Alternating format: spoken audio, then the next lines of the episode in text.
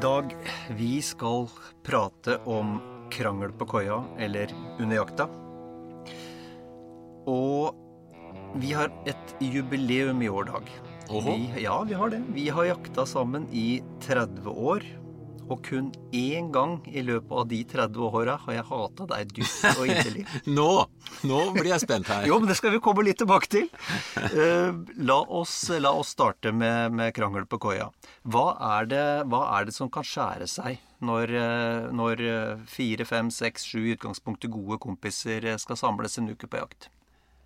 Et par typiske tilfeller. En syns det er kjempegøy å bli halvfull hver kveld. Og de andre syns ikke det er ålreit. Det er ett tilfelle. Et annet tilfelle er at en faktisk eh, gjør noe på jakta som er helt på kanten. Skyter f.eks. en elgkalv når alle er enige om at nå skal vi bare skyte ungdyr, mm. osv. Ja. Eh, og da dukker det opp eh, problemer i forhold til at man kanskje er i familie med, kjenner godt, eller iallfall har et forhold til vedkommende. Og hva gjør jaktleder hvis det er en dedikert jaktleder? Hvor hardt skal vi gå ut i forhold til straff eller påtale? Hva skjer? Og det kan gjøre det utrolig utrivelig å jakte. Sånn at jakta i stedet for en kosestund sammen med gode venner, og, og hvor man også da får mat til fryseren osv. Mm. Eh, I stedet for det så blir det da rett og slett utrivelig. Men jeg tenker en del, en del av det du nevnte der, er jo mulig å, å forutse ved å lage en kontrakt. Ja, Det, det går an å si noe om at uh, den som feilskyter Enten så er det et kollektivt ansvar for laget, eller så er det ditt personlige ansvar. Dette, dette er ting som det går an å bli enige om.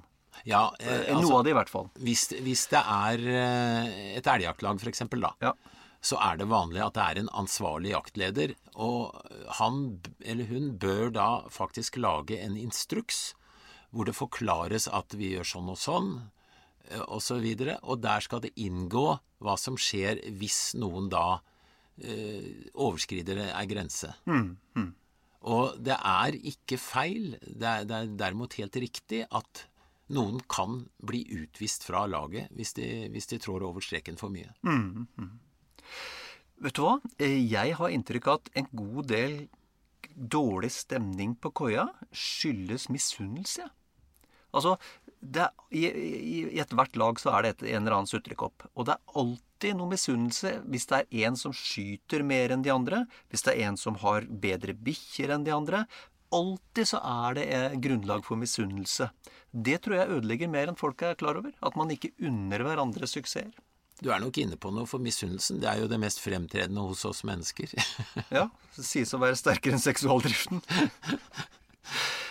Nei, men det, men det er noe der, altså. Eh, at, men men det, det gjelder naturligvis ikke, ikke det, er, det er ikke sånn at det er alle, men, men det er alltid eh, alltid noen som misunner. Og da blir det dårlig stemning. Ja, vi må altså rett og slett bare tenke sånn at vi har en felles oppgave på et elgjaktlag f.eks. da. Ja. Vi skal skyte kvoten, og vi skal gjøre det på best mulig korrekt måte. Ja. Og hvis da det faller seg sånn at den ene skyter større og flere elger enn de andre, ok, det var i år. Neste år kan det være stikk motsatt. Vi må glede oss over, vi ja. må glede oss over Ja. andres suksess. Men det som bør ligge bak, er jo da at det er en rettferdig tildeling av poster, f.eks., hvis man jakter på den måten. At det er trekning om ting. At ikke det er sånn en selvfølge at den og den har den faste, gode posten, og så, og så får en annen stakkar en dårlig post hvert år. Eh, mitt prinsipp har vært som jaktleder at man har en trekning hvor den som vinner trekningen, får velge. Det er noen nemlig som ikke liker å skyte på lange hold. Det er noen som liker bedre å gå med hund enn å sitte og skyte. Så får man velge hva man vil, og da føler jeg at det blir mest rettferdig. Ja, veldig, veldig bra poeng. Og det er jo, det er jo også noen som ikke har lyst til å skyte. Ja, De, nemlig. de, de har lyst til å være med på jakta, Ja. fordi det er, det er hyggelig, og de er jegere, og de er kanskje gode til å slakte eller gode til Men de har ikke lyst til å skyte. Og da er det jo glimrende, selv om du vinner trekninga da, og i utgangspunktet har mulighet til å velge den sikre posten, så kan du faktisk velge en post i et sandtak hvor det aldri har vært elg før. Ja, ja, absolutt. Og så, så kommer også en annen ting inn. det er livsviktig for trivselen i jaktlaget at ingen kritiserer andre for ting som er unødvendig å kritisere for. For eksempel, hvorfor skøyt du ikke, da?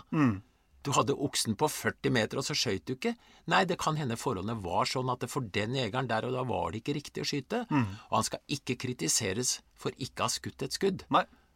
Det kan være behov for å kritisere hvis noen skyter et skudd av og til, men eh, også da med mange hensyn. Men i hvert fall ikke kritisere noen for ikke å ha skutt.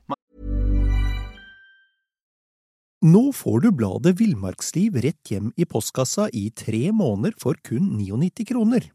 I Villmarksliv kan du lese om norsk natur, ærlige tester av klær og utstyr, og mange gode turtips skrevet av erfarne friluftsfolk, fiskere og jegere. Send SMS VILL36 til 2205 og motta bladet allerede neste uke. Lev livet villere med bladet Villmarksliv. Millions of people have lost weight with personalized plans from Noom, like Evan, who can't stand salads and still lost 50 pounds. Salads, generally, for most people, are the easy button, right? For me, that wasn't an option. I never really was a salad guy. That's just not who I am. But Noom worked for me. Get your personalized plan today at Noom.com. Real Noom user compensated to provide their story.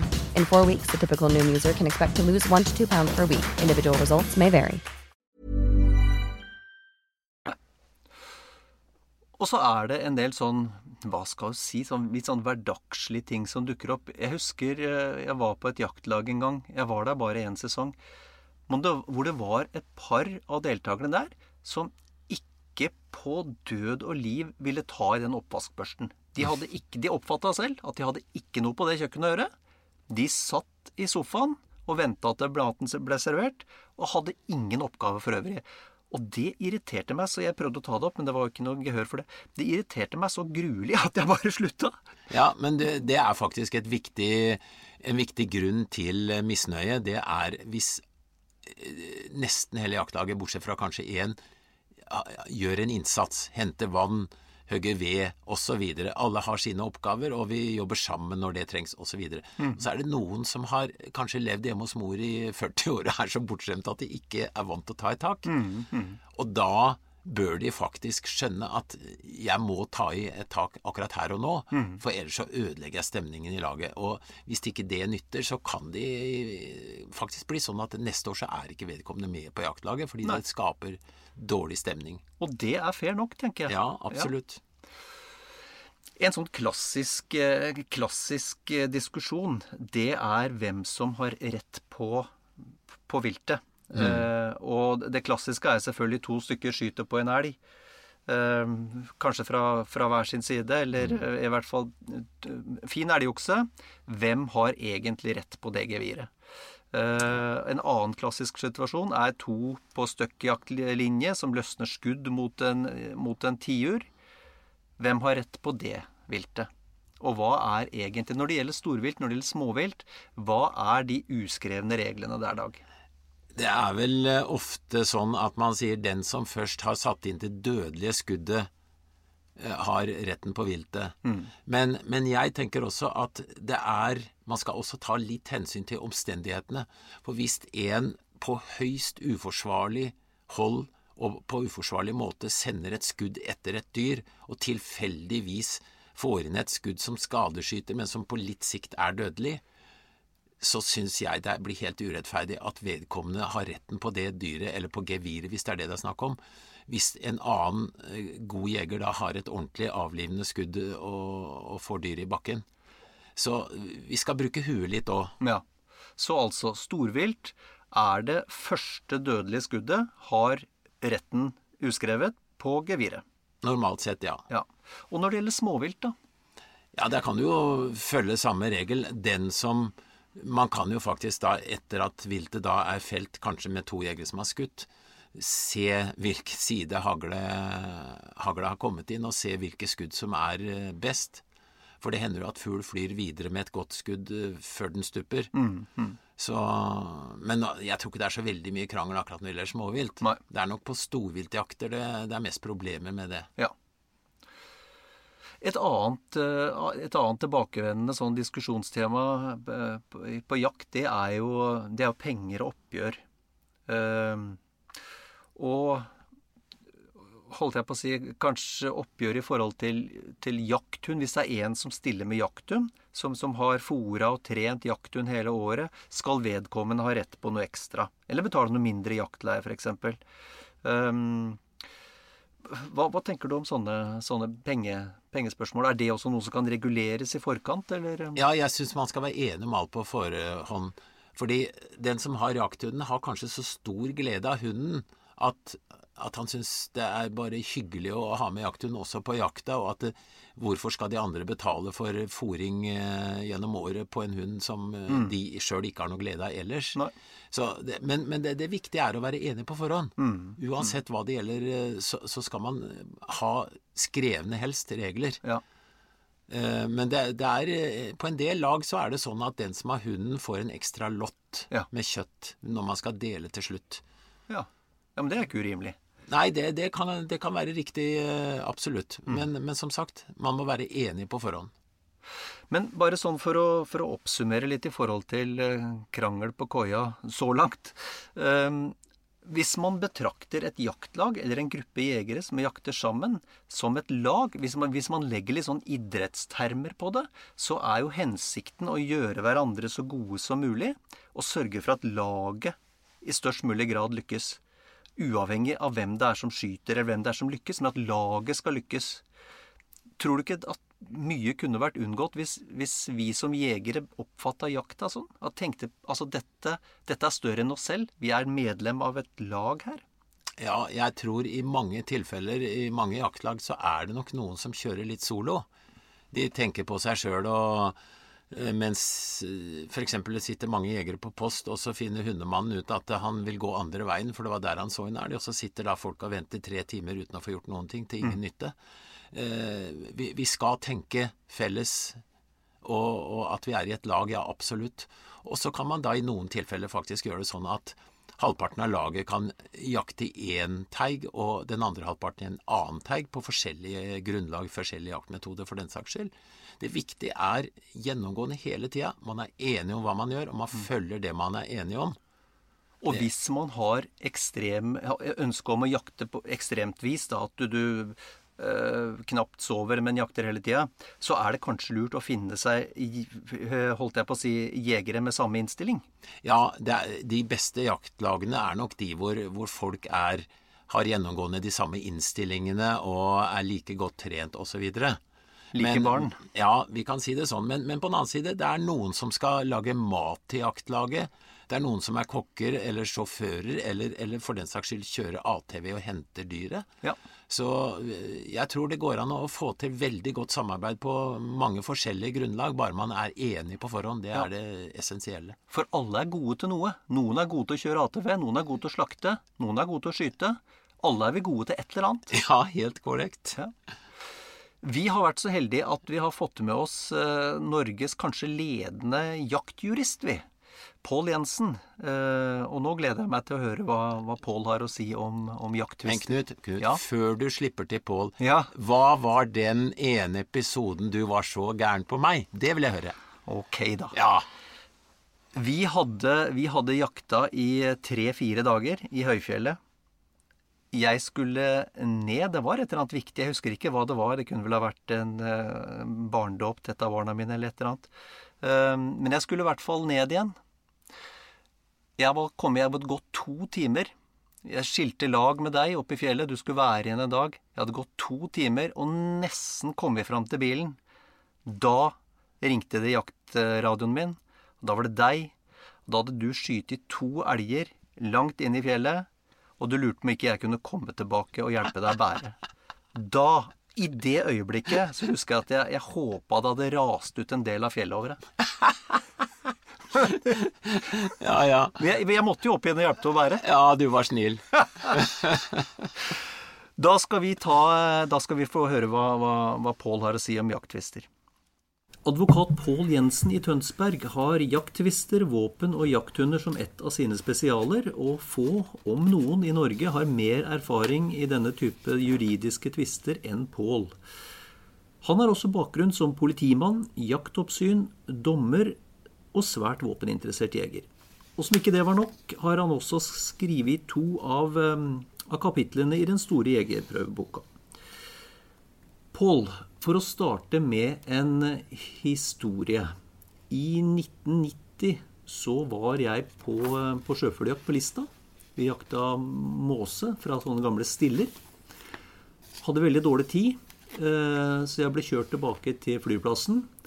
Da hadde allerede flyet lukka døra og var i ferd med å ta av. Men de ringte fra flyplassen og sa at her kommer det en, en ung mann med børse som, som, gjerne skulle vært med flyet. Så de venta på meg. eh, Og på vei trappa opp, eh, opp flyet så møtte piloten meg. Og så sa han at ikke det at det spiller noen rolle for meg, sa han, men jeg lurer på om jeg kan ta den hagla di her foran i cockpiten hos meg. De er blitt så strenge på det. Og jeg har sagt nei, for all del, det må du gjerne gjøre. Det hadde ikke skjedd i dag. Nei, det hadde nok ikke skjedd i dag. Det har eh, vært en utvikling på, på en del områder som, eh, som gjør at alt dette blir ansett veldig mye strengere enn det man gjorde for eh, få tiår siden. Eh, Det, det tror jeg er ganske tydelig. Det merker man på, på mange, mange måter i Ja, det, det er helt klart. Og holdt jeg på å si, hvilke, på hvilke områder er det, er det du som, som advokat ser at disse sakene dukker opp? Uh, Nei, det er vel Jeg syns det er vanskelig å se noen sånn uh, veldig klar fellesnevner. Det, det, det er ganske bredt spekter av de sakene som dukker opp. Men, men det er jo klart det er en god del, som når du nevner våpen, og mange saker etter våpenloven. Og, og, det mest dramatiske en jeger eller skytter kan oppleve, det er jo å få tilbakekalt våpenkortet sitt, altså miste tillatelsen til å ha skytevåpen. skytevåpen. Og det skal det jo relativt lite til i dag, og etter mitt syn for lite. og hvor, holdt jeg på å si, hvor lite skal til? Nei, det er eh, ja, Det varierer jo litt, selvfølgelig. Og jeg vet jo ikke akkurat alt det som passerer men, rundt om. Men, men det jeg ser, er jo de sakene som medfører tilbakekall av våpenkort. Og, og som, som da personer kommer hit med. Og det kan typisk være noe så eh, hva skal jeg si, lite som et engangstilfelle av uforsvarlig oppbevaring av våpen. Eh, eh, det som er ganske vanlig ellers, er jo selvfølgelig også at man har noen gamle våpen som er uregistrert etter far eller bestefar eller et eller annet fra krigens dager eller noe sånt, og det er det jo veldig lav terskel for eh, etter hvert. og det men, men som du sier, hvis du spoler et par tiår tilbake, så var det vel heller regelen enn unntaket at man hadde, hadde noen sånne våpen hjemme. Så, så Det, hvis, det er skummelt. Ja. Så hvis, eh, hvis noen har en gammel langkrag liggende, eller et slippvåpen fra krigens dager som de har valgt å, å ha liggende nærmest av nostalgiske grunner, så hvis dette oppdages, så kan det være grunnlag for tilbakekall av våpenkort. Absolutt. Er det en, er det en enkeltskudds 22 long rifle eh, fra Kongsberg også, så har jeg vært borti tilfeller av det òg. Så, så det Man skal være veldig oppmerksom på at man ikke har eh, liggende et uregistrert våpen som man ikke har oversikt over ja, etter bestefar eller hva det måtte være. Og når det gjelder, når det gjelder um, ammunisjon, så har jeg hørt at det skal i prinsippet heller ikke mer enn én patron som ligger løst et eller annet sted til for at man kan få trøbbel. Nei, jeg, jeg, jeg kjenner ikke akkurat til et eksempel på én patron, men, men eh, jeg hadde et tilfelle hvor i hvert fall en ble, eh, en ble straffa for for å ha noen patroner i nattbordskuffen sin som han hadde klart å skyte rev med eller noe sånt.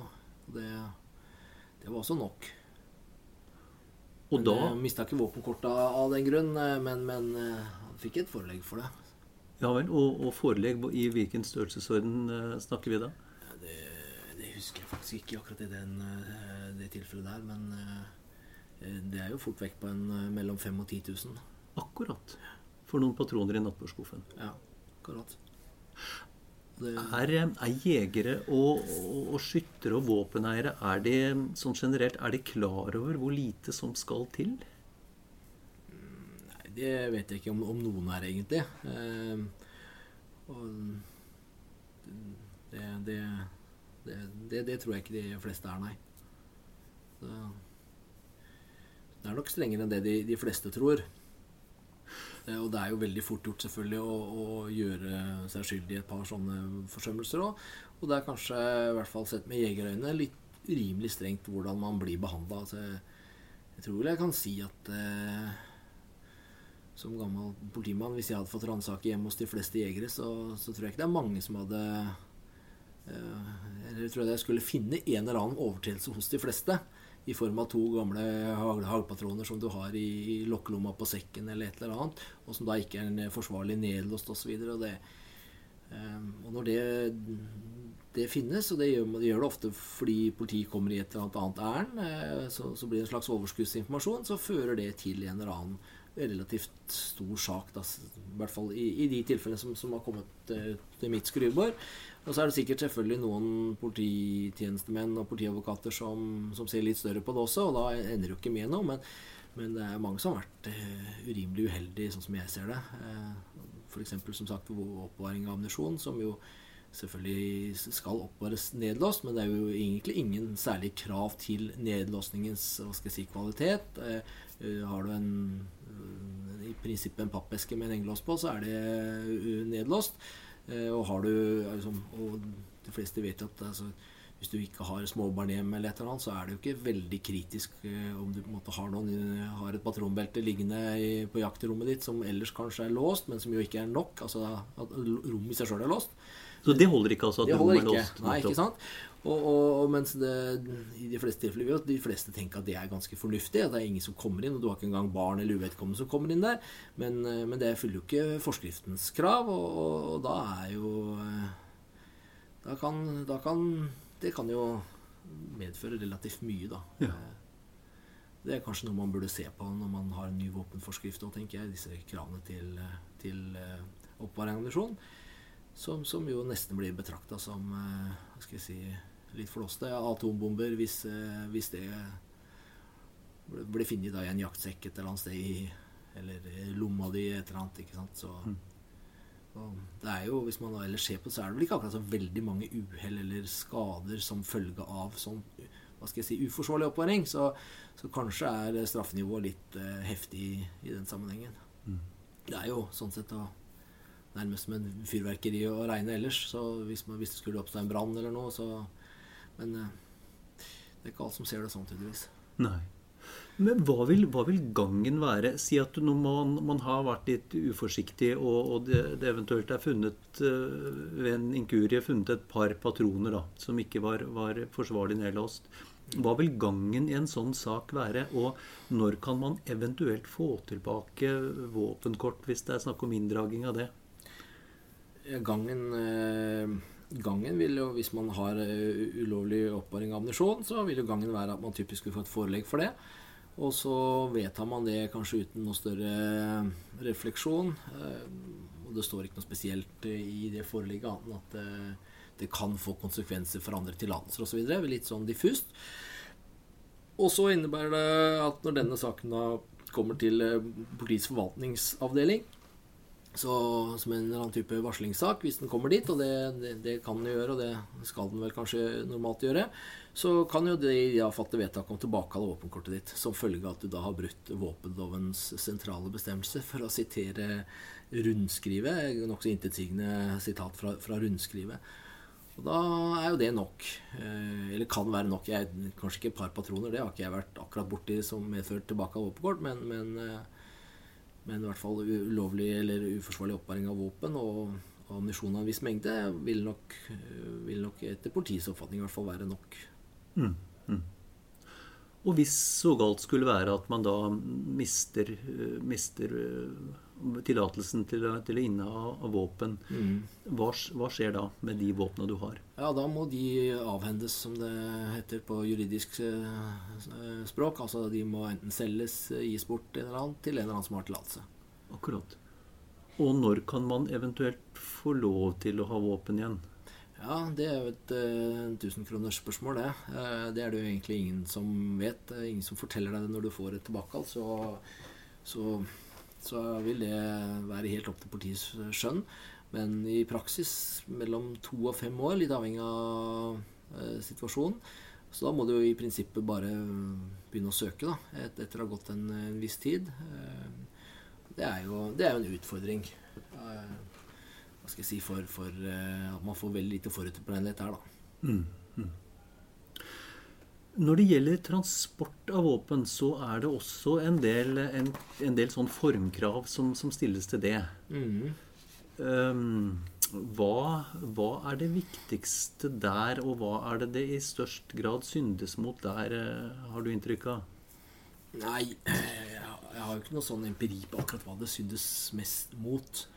Og jeg har egentlig ikke noe holdepunkt for å si at det er et stort si, område hvor det syndes så mye heller. Jeg, jeg, akkurat på transport eh,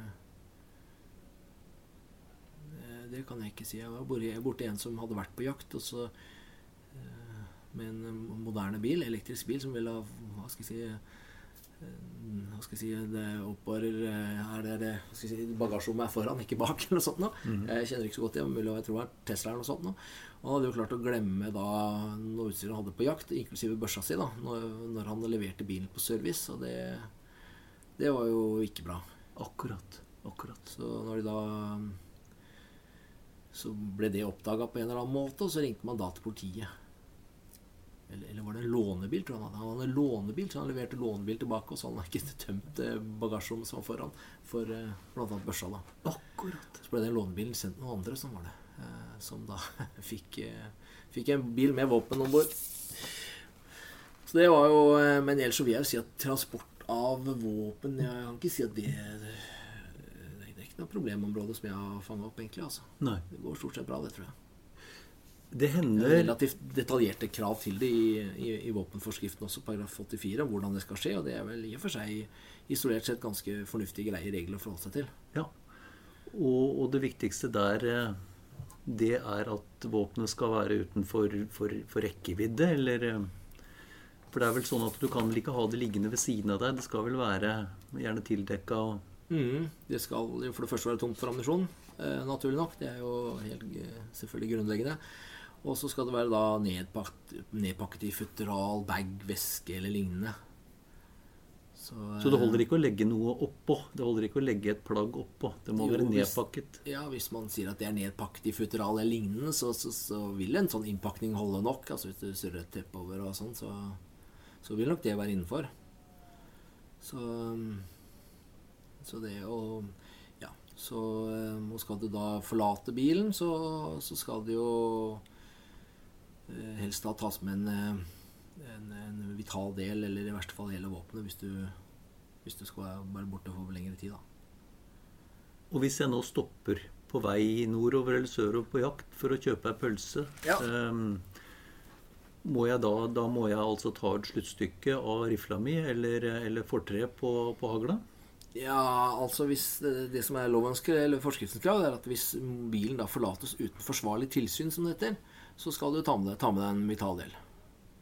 Så hva som ligger i forsvarlig tilsyn, det kan vel også være litt diffust. Det, det går vel an å hevde at hvis denne bilen er låst, og du står rett utenfor en bensinstasjon og har den under oppsikt til hele tiden, så, så høres vel det kanskje ut som forsvarlig tilsyn, spør du meg. Eh, så, så det akkurat i et såpass eh, hva skal jeg si, avgrensa eksempel, så, så tror, tror jeg kanskje ikke det er strengt tatt krav om å ta ut en vital del. Men hvis du er, eh, forlater du bilen og ikke har tilsyn med den, så blir det annerledes. Da skal du i prinsippet ta med deg sluttstykket eller forskjeftet eller hva det måtte være. Akkurat. Eh, Og hvis det da, hvis du går inn, inn for å handle mat f.eks. på vei til jakt, du setter bilen utenfor og er borte et kvarter, og det blir innbrudd, noen får tak i våpenet ditt, da, da står du overfor et eh, problem i forhold til politiet og, og våpentillatelsen din igjen. Ja, i hvert fall, i hvert fall det første. eh, Hvorvidt det, det kan medføre tilbakekall av våpenkort. Det, jeg, jeg vil jo mene at det ikke er grunnlag for det. eh, Men, men eh, hvor- hvorvidt politiet mener det, det, det vet man jo ikke før man har prøvd han har sagt. Så, Og det varierer jo litt eh, lokalt òg med, med hvilken, hvilken holdning de forskjellige politidistriktene har til dette her. Eh, Det er litt tilfeldigheter som styrer, men, men definitivt så vil jeg jo mene at det, det Man har jo en dårlig sak eh, overfor våpenforskriften, så man risikerer jo i hvert fall et forelegg. Eh, I et sånt tilfelle hvis man går og handler mat som sier da har man jo ikke bilen under forsvarlig tilsyn. Det skal vel være vanskelig å se for seg, egentlig. Så, så da, i et sånt tilfelle så skulle man da tatt ut en vital del, så Hvis det ville, skulle være ute. Det, dette med, med tilbakekall av, av, våpentillatelsen, det er jo det er den store skrekken for alle som er interessert i skyting, skyting og jakt.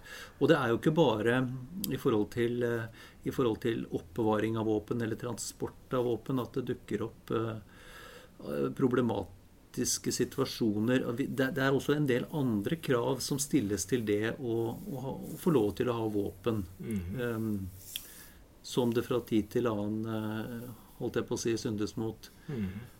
Hvilke, kan du, kan du kort si noe om hvilke andre områder det er eh, dukker opp eh, problemer i forhold til våpeninnehav? Ja, det er jo, det er jo naturligvis eh, de tilfellene hvor, hvor politiet mener at du ikke lenger fyller vilkårene for å ha våpen. Og, og de vilkårene er beskrevet i våpenloven paragraf 7. At du skal være, du skal være pålitelig og skal ha et behov, og skal ikke av andre grunner være uskikket til å ha våpen. Eh, det, er jo, det er jo det klassiske som fanger opp eh, det meste. Og dette med pålitelighet går jo stort sett på at du da oppfører deg eh, ordentlig og ikke gjør noe straffbart, og særlig ikke noe som er relatert til bruk av våpen. I så fall så henger det jo en tynn tråd. Dette med å være skikka eller ikke, eller ikke være uskikket, som er lovens begrep, det blir jo stort sett uh, oppfatta som et krav til skal si, personlige egenskaper, og at du skal ikke være ha noe rusproblematikk og ikke noen uh, psykiske lidelser som gjør deg uskikket. Eh, Det er jo hovedgruppene. Og, og det, det som vel er det største Det fleste flest tilfeller i praksis, er på en måte at man forgår seg på en eller annen måte. Og hva mener du med forgår seg Nei, på en altså eller annen måte? gjør noe ulovlig, da. Eller eh, blir straffa for et eller annet. Det kan jo være alt fra kjøre uh, Hva skal jeg si ulovlig med en bil. uh, ulovlig jakt. Eller uh, selvsagt trusler eller vold. Eh, Det siste er på en måte i kjerneområdet for de tilfellene hvor man skal eh, reagere med, med tilbake av våpenkort, for da, du ikke, da er du ikke akkurat pålitelig eh, overfor samfunnet heller. Så, så um, det er jo kjerneområdene hvor det skal reageres. Og så er det jo en del tilfeller hvor man går et stykke unna det kjerneområdet, for å si det sånn. Ja. Nå får du bladet Villmarksliv rett hjem i postkassa i tre måneder for kun 99 kroner. I Villmarksliv kan du lese om norsk natur, ærlige tester av klær og utstyr, og mange gode turtips skrevet av erfarne friluftsfolk, fiskere og jegere. Send SMS VILL36 til 2205 og motta bladet allerede neste uke. Lev livet villere med bladet Villmarksliv. Hi, I'm Daniel, founder of Pretty Litter. Cats and cat owners deserve better than any old fashioned litter. That's why I teamed up with scientists and veterinarians to create Pretty Litter. Its innovative crystal formula has superior odor control and weighs up to 80% less than clay litter. Pretty Litter even monitors health by changing colors to help detect early signs of potential illness. It's the world's smartest kitty litter. Go to prettylitter.com and use code ACAST for 20% off your first order and a free cat toy. Terms and conditions apply. See site for details. Så, så det Jeg har, sett, har jo hatt tilfeller også hvor man, hvor man kjører, har kjørt en bil eller en henger eh, som er fyller, som er i strid med førerkortet ditt. ikke sant? Altså en for stor henger. At de mener også det også gir, gir grunnlag for å hevde at det er upålitelig. Ikke i og for seg eh, isolert sett, eh, noe sånt skal sies, men i tillegg til et par andre mindre eh, ting. Eh, Du verden. ja, så, så de oppfatter det nærmest som et generelt vandelskrav, eh, i hvert fall eh, Politidirektoratet. Så, så liksom i prinsippet er liksom de fleste overtredelser relevante i forhold til våpen. Men det er klart, jo mer du De, de, er, de har ikke noe særlig god støtte i våpenlovens forarbeider, men, eh, men som sagt, der snakker om vold eller trusler eller noe som, er, som gjør at du kan mistenkes for å misbruke skytevåpenet så er du i kjernen av bestemmelsen. Og, så, Akkurat. og det er vel de fleste jegere også antagelig enige om at sånn bør det være. altså. Har du hatt mange av den, eh, av den type saker? Jeg har hatt ganske mange saker etter våpenloven etter hvert. Ja, det har jeg hatt. Jeg har ikke akkurat noe tall på det, men det er noen titalls. For å komme over på en, et annet, eh, annet punkt, Pål. Um, dette med jakthunder og, og, og hundeeiers ansvar. Um, hva, hva kan vi si om det? Um, det er ikke bare å slippe hunden sin eh, og regne med at alt, alt går greit. Man har et, et ikke ubetydelig ansvar, er det ikke så? Jo, eh, det kan man vel si at man har. eh, Jeg vet ikke om det er, om det er noen grunn til å si, overdrive det, men, men man har jo ansvar for alt man foretar seg. og og klart En hund, hund den øker vel kanskje risikoen noe, men det går jo stort sett veldig bra. Eh, Det er vel ikke de fleste som opplever noe store problemer med det. Eh, Og så er det jo selvfølgelig smart å ha en forsikring i den sammenhengen. eh, For man har jo i utgangspunktet et objektivt ansvar for den skaden bikkja di gjør på andre personer eller ting, i utgangspunktet. Eh, Men det som sagt, det, det går vel stort sett bra, for de gjør vel ikke så veldig mye skade. Et litt morsomt eller litt, Kanskje ikke riktig si morsomt, men et litt spesielt tilfelle er jo denne svømmebassengsaken fra noen år tilbake. Ja. eh, Hvor en elghund jagde en elg ut i svømmebassenget. Hvor en hund gjør skade for eh, rundt 10 000, mener jeg det var. Og, eh, og da var vel egentlig ikke det store spørsmålet om hundeeieren var ansvarlig på den måten For det, det var greit nok. Spørsmålet der var vel mer om, eh, om det var årsakssammenheng mellom elgjakta han drev, og de skadene som hadde oppstått på svømmebassenget. Men det mente da det var lagmannsretten også at det, det var det. Og jeg vil vel i og for seg ikke en dom jeg syns er så veldig rar, eh, sånn sett. Så, så det er jo et litt pussig eksempel på hva slags skade en, en, eh, en hund kan påføre. Når det ellers gjelder skade på andre hunder, så er jo regelen litt annerledes. Da er det ikke et objektivt ansvar. altså Da er det et krav om skyld. skyld skyldansvar. Ok. Så hvis um, hunden din gjør skade på en annen hund, så, er det jo, så, så kre- skal du bli ansvarlig da, så kreves det at du har opptrådt uforsvarlig på et vis. Og hvis begge to, for dette er jo en klassisk situasjon, hvis begge? Mm. to har hunden sin i bånd, og de smeller sammen, hvem har da skylda? Eh, Da er det jo på en måte Da har man jo ikke noe spesiell skyld, tenker jeg. da Hvis, hvis man er typisk eh, altså enig om at disse to skal møtes, og så se hvordan det går. Og det vet jo alle hunder her at det er jo alltid et lite spørsmål hvor god kjemien er der. Og det, det, så, men hvis man er enig om det, eh, så, så har man ikke erstatningsansvar. Akkurat. Det er mer eh, shit happens, for å si det på, på godt norsk. Ja. Hvis det da barker sammen.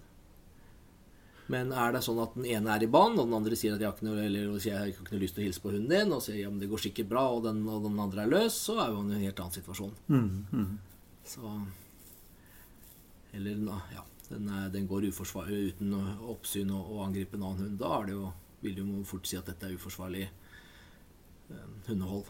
Ja.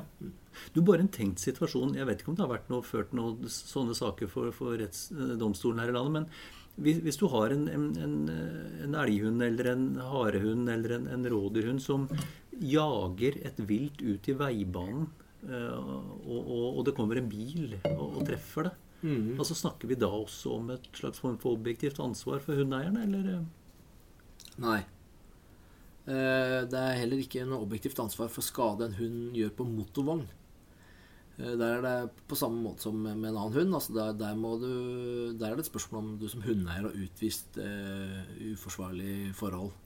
Så det skal nok ganske mye til, jeg tenker, i en sånn situasjon. Um, og så lenge det er lovlig jakt, og en jakthund da jager et vilt ut på veien, så er vel også det innenfor det hva skal jeg si, en type skade som kan oppstå. Uten at uh, man kan hevde at hundeeieren har vært uforsvarlig uaktsom. Eh, Et, eh, et fenomen som det har vært knytta en del diskusjon til eh, de siste åra, det er nattjakt og regelverket rundt eh, spesielt optikken. Hva slags optikk man har lov til å bruke. Altså det, er jo, det er vel en stor grad av enighet om at, enighet om at nattjakt nå er, i seg selv er uproblematisk, men, men akkurat, akkurat optikken hva, hva tenker du om det? Hva, hva, er, hva er rettspraksis, og hva er god juss der, etter din oppfatning? Ja, Altså man, Det er kanskje litt langt å si at eh, nattjakt er uproblematisk eh, rettslig sett. Altså det, er jo viltlovens paragraf 19 som gjelder, om at eh, jakta skal skje humant og uten å påføre viltet fare for unødve, unødig lidelse, som det heter. Og det er klart, mm, dårlig lys det, det skaper noen utfordringer der. Eh, men akkurat når det gjelder bruk av eh, nattsikter og, kunstig lys, som jo har vært en diskusjon, Eh, så syns ikke jeg regelverket er så veldig uoversiktlig. Jeg, og, altså der, der, er det jo selvsagt et forbud mot et, et, et, bruk av kunstig lys som hovedregel etter paragraf 20. Mm. Det er jo selvfølgelig lov i, i et par tilfeller, bl.a. åtejakt på rødrev.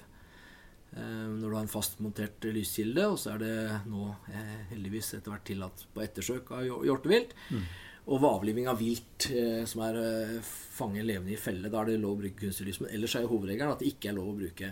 Og så er jo da spørsmålet hva er kunstig lys? Eh, og der har jo har det jo vært noen tolkninger som har vært ganske hva skal jeg si, ganske eh, friske. Eh, og ikke hatt støtte i, i rettskildene, når man måte har lagt til grunn at alt, nærmest alt omfattes. Eh, også termiske sikter, rødpunktsikter nærmest. Eh, det er jo, Hvis man ser på forarbeidene til den bestemmelsen, så er det å gå altfor langt og skulle hevde at det er i strid med paragraf 20. Ja, fordi, bare for å ta det termiske sikter, Pål, hva er det? Mm. Ja, Det er et godt spørsmål. Jeg er jo ikke så innsatt i det. Men det er i hvert fall ikke bruk av en type kunstig lys, eh, sånn som måte, lovgiver har sett for seg når det er nedlagt et forbud mot det det er jo det man Det er en ganske spesiell bestemmelse som har en litt sær historisk eh, bakgrunn. Og går man helt tilbake, så er det man ønsket å ramme fra tidenes morgen, da vi tilbake til jaktloven av 1899, så var jo det altså bruk av altså ild eh, og, og, jakt på, på storfugl eller eh, skogsfugl. Ja, det, det, er liksom det man ønsket å ramme. Og så er det jo klart at ordlyden eh, tar jo også inn over seg, eller tar høyde for, at man eh, bruker lommelykt og vanlig kunstig lys. Eh, men, men, ikke altså bruke termisk sikte som ikke bruker noe kunstig lys. Det er bare, Man måler bare så varme Det er egentlig et kamera mer enn eh, noe annet. Som registrerer varme. Som registrerer varme. Og det mener jeg må være helt klart at det ikke omfattes av eh, dette forbudet. Eh, og det får jo heller ikke de samme virkningene ellers. Så er det jo noen som mener at det kanskje er litt mer tvilsomt eh, i forhold til IR-lys. Restlysforsterkere, er det det? Eller? Ja, Restlysforsterker bruker jo heller ikke noe kunstig lys. ikke sant? Den bruker bare det lyset som allerede eh, er der, men på en måte gjør det så mye mer hva skal jeg si, bruk, brukbart, sånn at det lyser opp siktet ditt allikevel. Altså, mm. Men ikke mm. noe ut, ut av siktet. men det bruker det lille restlyset som er der. Så jeg mener jo det må stå i samme stilling, at det kan jeg ikke tenke meg eh, vil være straffbart om, om en jeger bruker det. Og, og jeg tenker nok at et IR-lys eh, er i, bør anses på samme måte, nettopp fordi jeg syns det er såpass fjernt fra, fra altså ordlyden og forarbeidene. Og jeg mener at da er det riktig å bruke en, en, en, hva skal jeg si, en litt konservativ tolkning av den bestemmelsen, ikke det motsatte når det er snakk om bruk av straff. Og jeg synes jo, Så kan man jo selvfølgelig ha forskjellige oppfatninger om hvorvidt det er fornuftig eller etisk og alt dette, og hvordan man skal bruke dette her. Men det syns jeg jo på en måte da heller lovgiver burde tatt inn over seg og vurdert på en skikkelig måte, enn å bare tolke en gammel uh, lov på en veldig anstrengt måte. Mm, mm. Så her mangler det egentlig en avklaring, etter din oppfatning? Jeg vet ikke om det egentlig mangler så mye avklaring heller. Jeg vet ikke hvor stort problem dette egentlig er i praksis, skal jeg være helt ærlig. Jeg har vel egentlig ikke inntrykk av at det er det. Altså, snarere tvert imot. Nå i Sverige så åpner man jo mer for det. Og det er jo bare en, men det gjelder jo først og fremst jakt på villsvin, og det er jo bare en erkjennelse at uh, dette må på en måte til. Skal vi få en tilstrekkelig effektiv jakt. Mm, mm. Og det er ikke noe sånn Nå holder jeg til i, i Vestfold, og jeg jakter ikke veldig mye hjort på Vestlandet, men men jeg har jo skjønt såpass mye at jeg tror eh, det har vært vanskelig å gjennomføre hjortejakta på Vestlandet hvis ikke man hadde en utstrakt bruk av nattjakt, eller kvelds- og bøjakt på under dårlig lys. Da tror jeg Har man virkelig, virkelig hva skal jeg si, nedlagt et forbud mot det, så hadde man hatt kjempe, en kjempeutfordring på, å felle de hjortene som bør felles der borte. Jeg tror, jeg tror rundt regna 50% av det som skytes, er gjort, skytes på, på bønn. Nettopp. Og, og det er vel også gjennomført undersøkelser som viser at skadeskytingsprosenten i de tilfellene er veldig lav. Mye lavere enn på dagjakt under alle andre forhold. Så liksom, så, så, liksom i hvilken grad det er et problem. eh, og, og det tror jeg man kan stille et stort spørsmålstegn ved. Og, og kanskje også litt hva skal jeg si, det korstoget som man oppfattet at uh, en eller annen enten hadde eh, for noen år siden, før man fikk en del avklaring i rettspraksis hvor, hvor, hvor, man, hvor påtalemyndigheten vel hadde litt problemer med å få gjen, gjennomslag for at dette skulle være så ulovlig som man mente det var. Det, det er jeg litt usikker på hva som var egentlig beveggrunnen til. Mm. s- Ja. Ja. Jeg, jeg vet rett og slett ikke hvor stort problem det er, men det, det, det, det burde jo kanskje eventuelt lovgiver eh, gå ut og vurdere. Det er de som har et utredningsapparat og forutsetninger og ressurser til å vurdere det. En annen ting vi må prate litt om, det er, eh, det er dette jeg, vet ikke i hvilken grad det er noe problem, det heller, men dette med skyting på lange hold. Mm. Hva er et langt hold, og hva er et for langt hold? Og, og, og hva kan man støtte seg på av, eh, av juss der? Ja, ja det er, dette reguleres jo av viltlovsparagraf 19. Eh, altså forbudet mot å utsette viltet for un unødig lidelse. Og det er jo en veldig eh, skjønnsmessig bestemmelse, og den er jo ment å være det også, for å fange opp eh, mange situasjoner uten å, å For det kan man kan ikke detaljregulere alle, det gir seg på en måte sjøl. Men samtidig så blir den jo ganske upraktisk for, eh, for en del jegere å forholde seg til. For den liksom det er vanskelig å vite akkurat når du utsetter et dyr for eh, unødig lidelse. Altså, og det må man huske på, at all jakt utsetter jo dyret for lidelse. Det er liksom det er jaktas natur. Eh, Det skal til slutt ende livet på et dyr. Det er liksom det er det jakta handler om. Men, men det skal altså skje eh, innenfor det man kaller en, hva skal jeg si, en nødvendig lidelse. Og noe mer enn det skal det ikke utsettes for. Og det, eh, en del av det er jo på en måte at du skal ikke avfyre et skudd som utsetter dyret for en altså en, en utilbørlig fare for skadeskyting. Og det er jeg som brukte ordet utilbørlig. Men altså, igjen, altså alle skudd vi avfyrer, det, det har jo en, en potensiell skadeskytingsrisiko også. og Det ligger i, i sakens natur. Men er, er holdet for langt, sånn at skadeskytingsrisikoen blir stor, så vil det fort kunne rammes av paraf 19. Og så er det jo, Når er den risikoen stor? Det er jo på en måte en tusenkronersspørsmål. Det varierer jo veldig. ikke sant? Noen jegere bør kanskje ikke avfyre et skudd på over 50 meter. og knapt nok det, hadde jeg nær sagt. Men litt avhengig av våpen, ferdigheter, dyr osv. Men så er det jo jegere som utmerket kan avfyre et, et forsvarlig skudd på flere hundre meter. Sånn er det jo. Hvis de har veldig godt utstyr, god trening, godt anlegg eh, og ellers eh, og ellers eh, helt optimale forhold. Men, men et eller annet sted så går det også en grense hvor, hvor det er en en del objektive faktorer som du ikke er herre over. Og da blir det jo vanskelig å, å forsvare det skuddet. Men å trekke opp akkurat noen sånn noen metergrense, det, det tror jeg er vanskelig. Og det, det er jo helt gitt, eller klart at alle disse forholdene skal jo skal jo vurderes konkret. Det er Er det, litt sånn, er det litt sånn i forhold til lange skudd, som det holdt jeg på å si er delvis med, med nattjakt og andre situasjoner òg, at eh, resultatet er litt holdt jeg på å si, Hvis det går bra, så var det en grei beslutning. Hvis det ikke går bra, så kan man stille spørsmål om det var en god beslutning. Ja, det, det, det, det Altså Faktisk så er det vel riktig å si at det, resultatet har en del å si. Men, men etter loven så er det jo selvfølgelig eller har jo Høyesterett sagt at det er tilstrekkelig at du utsetter dyr for fare for unødvendig lidelse. Så selv om du på en måte har et perfekt skudd, eller som dreper dyret uten noe mer eh, helt uten, uten noe skadeskyting, så, så, kan man jo, så kan man jo rettslig sett tenke seg at dette er brudd på loven. Men det er klart det er vel litt Det er vel ikke så sannsynlig, tror jeg, at det vil føre til en sak hvis dyret segner dødt om uten, uten faktisk lidelse. Eh, Men eh, er du uheldig og skadeskytter i en sånn situasjon, så blir jo så blir nok sjansen for at det blir en reaksjon mye større. Det, det tror jeg det er riktig å si. Ja. Nå har vi jo prata mye om, om, eh, om juss og domfellelser og uaktsomhet. Og, eh, men, men, men holdt jeg på å si, hva slags inntrykk har du generelt av norske jegere? Eh, Hvordan syns du jakta utføres? Ja, i mitt, eh, mitt generelle inntrykk av norske jegere er jo at det er veldig godt. Altså, det gjelder jo i stort sett de sakene jeg får, og jeg får sikkert ikke de verste heller. For de som kommer til meg, er vel de som føler seg litt urettferdig behandla på den ene eller andre måten. Og de som måtte er ordentlig tatt med buksa nede, de har vel en litt større tendens til å akseptere det, den reaksjonen de får. Men mitt inntrykk er jo at det er veldig At norske jegere oppfører seg veldig bra. Og egentlig på de alle måter. Og jeg tror det har blitt mye bedre de seinere åra også.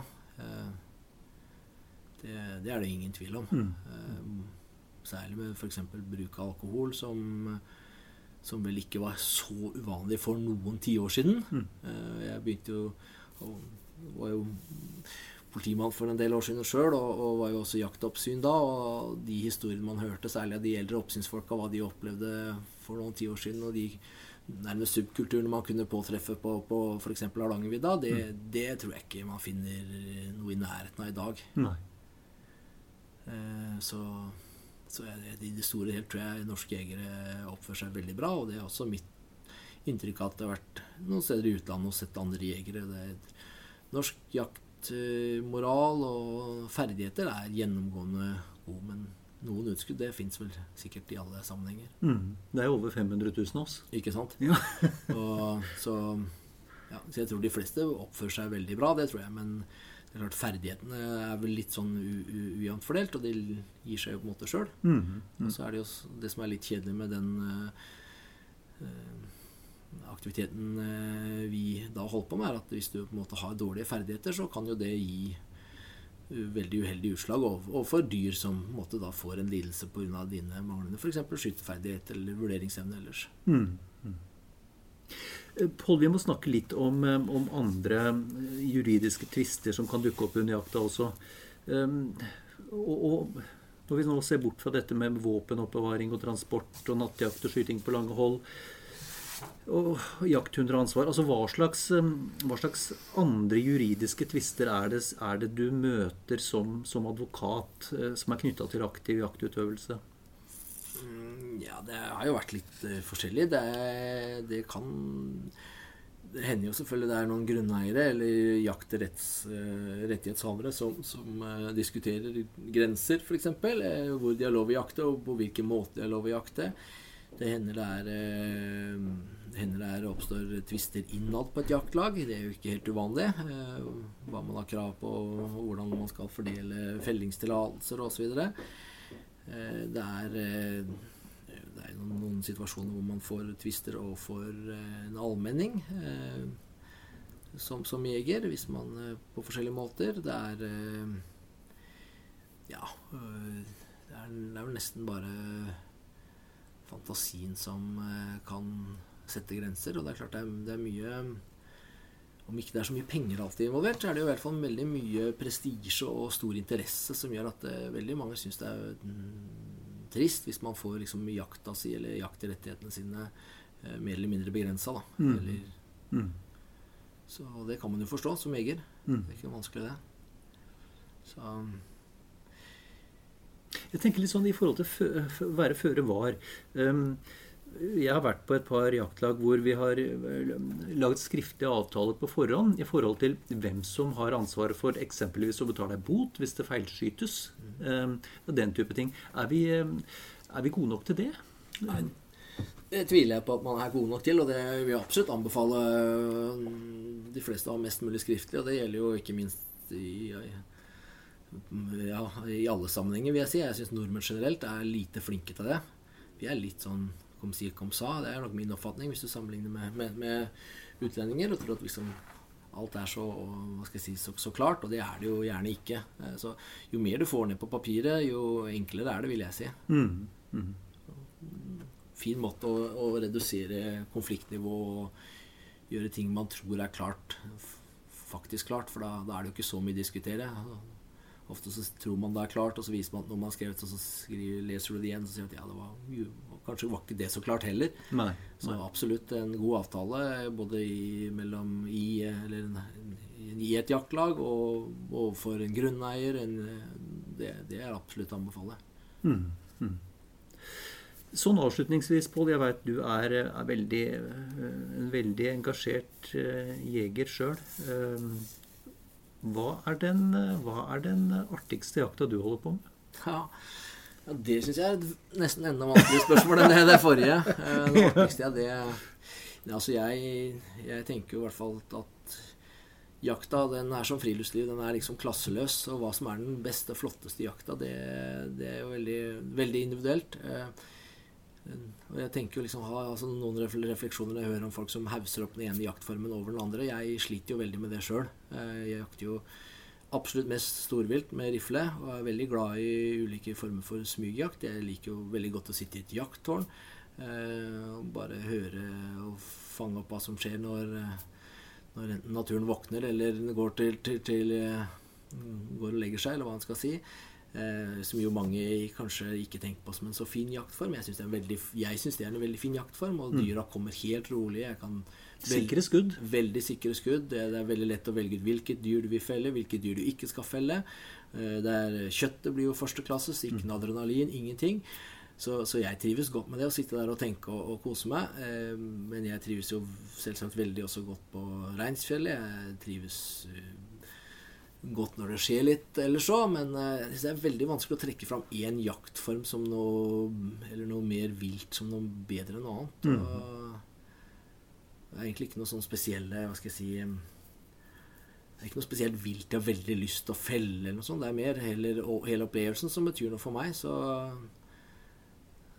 hvis du spurte meg om det var en spesiell jaktform jeg skulle trekke fram, hvis det var det det var, så, så, så, så syns jeg det er vanskelig. Ja. Og jeg syns jo rypejakt er flott også, for den del. Gå på fjellet. Skogsfugljakt. eh, Jeg begynte jo da jeg var liten gutt. Hvis du ser bort fra det feltet av småfugl, eh, så, så begynte jeg jo som harejeger med onkelen min, som jo i Sverige.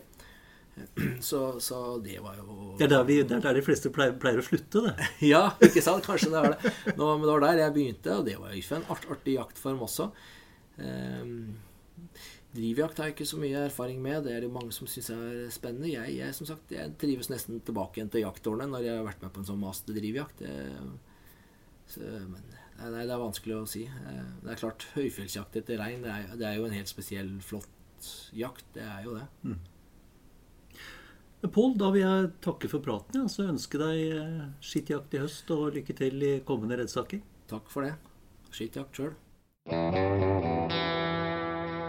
Kort og godt, hvordan knipe en fisk? Dag, øh, jeg stiller helt på null. Hvordan i all verden skal jeg, skal jeg få en fisk? Ja, Du kan ikke knipe den med fingeren vanligvis, da, hvis det var det. Nei? Ok. Nei, men eh, vi, la oss si at vi skal på tur og har lyst til å få en fisk, og vi ikke egentlig er sportfiskere. Ja. Da tenker jeg, skaff deg eh, haspelutrustning. Ja. Altså Haspel er ei sånn snelle som har en bøyle som fører snøret inn på sporen. Og det, det får du tak i en sportsforretning eller på en bensinstasjon for den saks skyld. Ja. Eh, og ei, ei stang da som hører til. Og med, med snøret på så har du det, viktige grunnlaget, og så må du ha noe fisken skal bite på, da. Men du, før vi slipper snøret, hvor, Ja. hvor, hvor tykt eh, skal det snøret være? Litt avhengig av hvor stor fisk, hva du fisker etter, øh, hvor du er og sånn. Ja. Men hvis vi sier at vi har 0,25 millimeter, så er vi vel omtrent der vi bør være. Ja. Eh, og når vi da eh, i tillegg skal ha noe fisken kan bite på, så er vi nesten garantert Nei, det var litt sterkt sagt. Men eh, vi kan få fisk. Ja. Eh, og så avbrøt jeg deg, men du var inne på, på det vi skal få fisken til å ta på. Ja. Uh, sluk er jo det enkleste og letteste for de fleste å bruke. Og det er ikke vanskelig. Du, du kan trene noen ganger på plenen før du drar på tur, og så, så har du, sitter den inne. Ja. Og da kaster du rett og slett sluken ut og sveiver inn. Men et lite knep der. Sveiv inn rykkevis, så er det større sjanse for å få fisk. Og hvorfor det? Jo, fordi at det ser vel litt mer ut som en skadd fisk. Og dessuten, jeg tenker at hvis fisken svømmer etter sluken, men ikke er helt sikker på om den skal bite, og så stopper sluken litt opp, da kommer plutselig fisken veldig nær og tenker nei, nå tar jeg den. Ja, akkurat. Ja. Nå. Ok, og, eh, og hvor er det vi skal fiske? Fortrinnsvis i vann. Det er, ja vel. Eller elv. Ja. Ja, eh, det er jo ved ut- og innos er det ofte bra fiskeplasser. Ok. Eh, Eller vi går ut på en odde. Noen ganger, hvis været er hardt, så kan det være inne i vika hvor det ikke blåser så fælt. Så er det be- behageligere både for oss og kanskje ha fisken eh, gått dit, fordi der blåser det noen insekter innover. Men hvorfor er det bra ved inn- og utos, altså der eh, i, Det kan være at det er varmt i været så det kommer litt kaldere vann med elva, eller helt stikk motsatt. Eh, og her er det bevegelse og liv, det er insekter som klekker, osv. Mat for fisken, med andre ord. ja. Akkurat. Ja, altså fisken han angriper jo ørreten eh, først og fremst, hvis vi snakker om den. Angriper jo for å få seg mat. Ja. Eh, så hvis, hvis det er, som jeg nevnte, insekter osv., da kan vi egentlig veldig enkelt fiske med flue med det samme utstyret. For da har vi en fluedupp. Og det er en dupp hvor det henger et snøre etter med ei flue i. Og det er ikke vanskeligere enn at hvem som helst kan fiske med det også. Ja, For da bruker du duppen som kastevekt, og Ja. så følger flua med en, på en halvannen meters fortom eller noe sånt. nå. Ja, og, og da har vi både sluk og flue, og, og hvis vi vil ha en tredje ting, så er det en markkrok og litt mark som vi kan grave bak et fjøs. Og det er jo erfaringsmessig det aller sikreste. Marken er veldig sikker, og der bruker vi også ofte dupp, eller vi kan fiske med et lite søkk og kaste ut i ei elv med litt strøm, som trekker da eh, søkket og marken ut i elva. Ja. Og når på døgnet er det vi får mest fisk? Vi får mest fisk om kvelden, og det er delvis fordi vi fisker mest om kvelden, men det er også fordi fisken er i bettet akkurat når sola går ned. Akkurat. Og holdt jeg på å si øh, er, det, er det deler, i, deler av Norge som, hvor det er lettere å få fisk enn andre? Altså er det, er det like lett overalt? Det er veldig vanskelig å si at det er bedre å få fisk i Nord-Norge. Det er kanskje flere store fisker i Nord-Norge, men fisk er det nesten overalt, og også i vann som ligger inntil vei og inntil sti. Ja. Så øh, sørg for å få uh, sjekk hvordan det er med fiskekort. Uh, kjøp det, og så er det bare å sette i gang. ja. Og det siste jeg lurer på, det er er det noe vær som er bedre eller dårligere eller helt håpløst kanskje å fiske i? Svaret er ja, vær er bra. Nei, vi, vi kan vel si det sånn at vekslende vær, ikke bare stille og sol og, og fint hver dag, men at det, at det bytter på litt, Ja. det, det kan være bra. Okay. Og etter regnvær gjerne. Ja vel. Etter tornevær også. Og så er det noen som sier at uh, i den og den, i nordavær er det håpløst å fiske, i sønnavær er det. Altså, er det, er det noe i sånne ting? Eller? Ja, det er faktisk det. Ja. Okay. Eh, sydvestlig, eh, sydøstlig, det er bra. Ja. Nord er verre. Akkurat. Men du får fisk i alt vær. Jeg har fått store fangster i nordavind, så ikke bare fisk. Da tror jeg rett og slett bare vi ønsker folk skittfiske. Skittfiske. Nå får du bladet Villmarksliv rett hjem i postkassa i tre måneder for kun 99 kroner. I Villmarksliv kan du lese om norsk natur, ærlige tester av klær og utstyr, og mange gode turtips skrevet av erfarne friluftsfolk, fiskere og jegere. Send SMS VILL36 til 2205 og motta bladet allerede neste uke. Lev livet villere med bladet Villmarksliv. Even when we're on a budget, we still deserve nice things. Quince is a place to scoop up stunning high-end goods for 50 to 80% less than similar brands. They have buttery soft cashmere sweaters starting at $50, luxurious Italian leather bags, and so much more. Plus, Quince only works with factories that use safe, ethical, and responsible manufacturing. Get the high-end goods you'll love without the high price tag with Quince. Go to quince.com slash style for free shipping and 365-day returns. Even when we're on a budget, we still deserve nice things. Quince is a place to scoop up stunning high-end goods for 50 to 80% less than similar brands. They have buttery soft cashmere sweaters starting at $50, luxurious Italian leather bags, and so much more. Plus, Quince only works with factories that use safe, ethical, and responsible manufacturing. Get the high-end goods you'll love without the high price tag with Quince. Go to quince.com slash style for free shipping and 365 day returns.